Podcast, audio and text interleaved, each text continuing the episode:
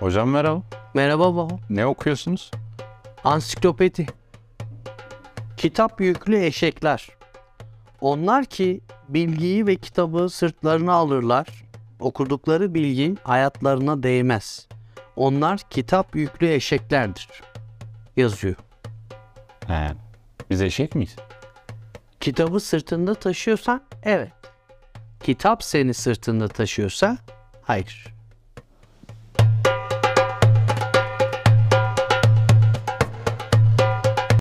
Kayıt. Hocam merhaba. Merhaba baba. Bugün neyi hicivliyoruz? Bugün aydın kavramını hicivliyoruz. Kimdir hocam bu aydın? Bu aydın kimdir? Bu entelektüel kimdir? Bu elit kimdir? Bu seçkin kimdir? Bu münevver kimdir? Kısacası bu bir eylemi en iyi düzeyde yapan kişidir. Yani şöyle düşün. En iyi düzeyde yazan, en iyi düzeyde resim yapan, en iyi düzeyde müzik yapan kişi içinde bulunmuş olduğu toplumun neyi sayılır? Aydını sayılır. Bak dikkat et hangi kökten geliyor? Ay kökünden geliyor. Yani ışık saçan, yani nurlandıran. Elit, elere kökünden geliyor. Yani seçme, seçkin olan. Seçkin, seç kökünden geliyor. Yani seçkin olan. Yani bir işin en üst seviyesinde o işi yapan kişi. Entelektüel nedir peki? Entelektüel, intellectual, bilgi işçisi demektir. Bilgiyi sırtında taşıyan Hocam sen gülebilir miyim? ya altı üstü hocam aydın kimdir diye sordum. Sayın hocam bu aydın neyi temsil eder? Bu aydın gerçeği temsil eder. Yani bir toplumdaki bütün meselelerde gerçeğin yanında duran kişi aslında aydın olarak tanımlanabilir. Gerçeğin bizatihi kendisini temsil eden kişi aydın diyoruz. Sayın hocam genelde aydın deyince aklımıza ilk olarak akademisyenler geliyor. Bütün akademisyenler aydın mıdır hocam? Bütün akademisyenler aydın değildir ama bütün aydınlar akademisyendir. Akademik çalışır. Yani bilgi ekseninde çalışır. Özellikle doğu toplumlarındaki üniversitelerdeki akademisyenler hepsi için aydın sıfatını kullanamayız. Hocam merhaba. Merhaba Baha. Ne yapıyorsunuz? Sen abone oldun mu? Hayır. Olmadın mı? Yok. Neşet Ertaş gibi müziğini iyi icra eden insanlar da aydın mıdır? Kesinlikle evet. Ama akademisyen değildir. Nazım'ın çok güzel bir şiiri var. Nazım Hikmet'in. Der ki onlar ki topraktan öğrenir, kitapsız bilirler. İlla eğitimli olması gerekmez aydın dediğimiz kişinin. Bazısı göğe bakar, toprağa bakar ve toplumuyla ilgili öyle bir yorum yapar ki çoğu akademisyenden daha derinlikli, daha hikmetli bir önerme iddia edebilir. Dolayısıyla her akademisyen aydındır diyemeyiz. Sayın hocam, Evet, bu aydın ne iş yapar?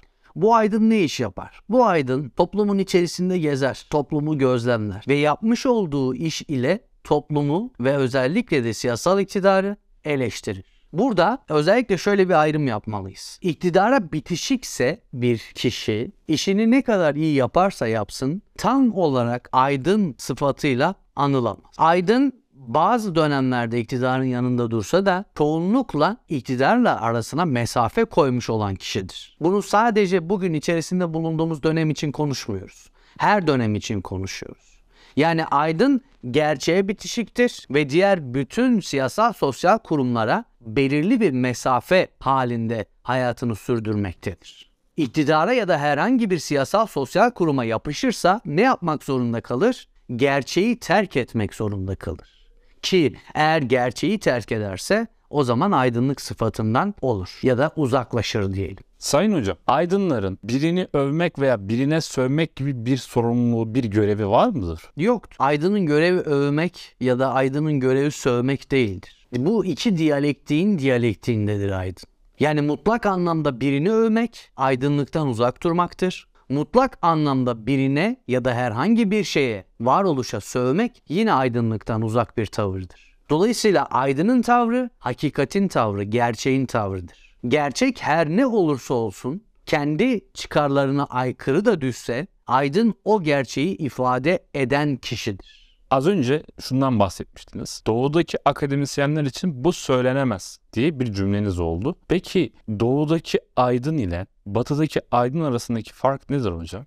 Doğuda aydın genellikle siyasal iktidarın yanında durmak zorunda gibi hisseder kendini. Yani doğudaki aydınlar sosyal ve siyasal kurumların destekçisi gibidirler. Batı toplumlarında çok bu şekilde değildir. Mesela De Gaulle Fransa'nın başındayken Jean-Paul Sartre yaşıyordu biliyorsun ve şöyle dermiş De Gaulle. Ya biz bu işi yapacağız ama Sartre bu işe ne der? Dikkat et bir ülkenin başındaki insan aslında bir edebiyatçıdan ne yapıyor? Çekiniyor. Buradaki çekinme ifadesini lütfen korku olarak algılama. Bu çekinme aslında Sartre'ın gerçeğin peşinde olan bir kişi ya da tırnak içerisinde bir aydın olmasından kaynaklanmakta. Dolayısıyla Batı toplumlarında aydın genellikle gerçeğin yanında durur. Ama Doğu toplumlarında aydın daha çok siyasal ve sosyal kurumların yanında bulunduğu için, tırnak içerisinde organik aydın olduğu için bu durum tam olarak aydınlık terimiyle karşılanan. Mesela Gramsci'nin organik aydın tasviri bu bakımdan çok değerlidir. Gramsci der ki organik aydın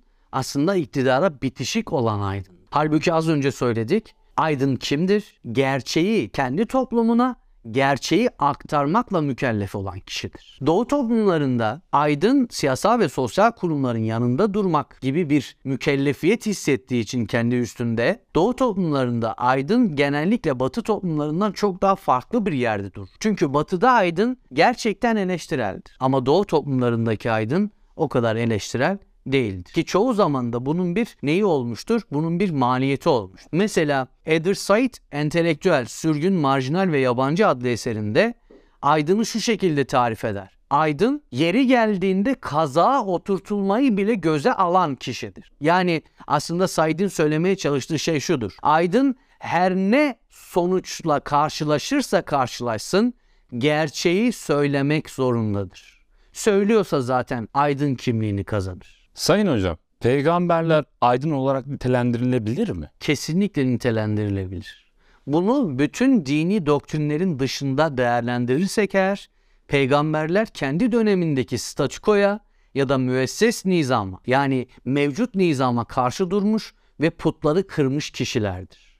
Zaten aydına dair yapılacak belki de en iyi tanım putları kıran kişi aydındır ifadesinde yatar. Yani her aydın bir put kırıcı mıdır? Kesinlikle her aydın döneminin putlarını kıran kişidir. Hazreti İbrahim gibi. Dolayısıyla eğer aydın toplumun tamamına yönelik bir yönlendirme kaygısı içerisinde değilse zaten putları kırmasına gerek var mı? Kesinlikle yok. Dolayısıyla toplum aslında kördür. Onu yönlendiren kişi yani putları kırıp başka bir istikamete doğru toplumu götüren kişi nedir? Aydındır. Hocam merhaba. Merhaba Baha.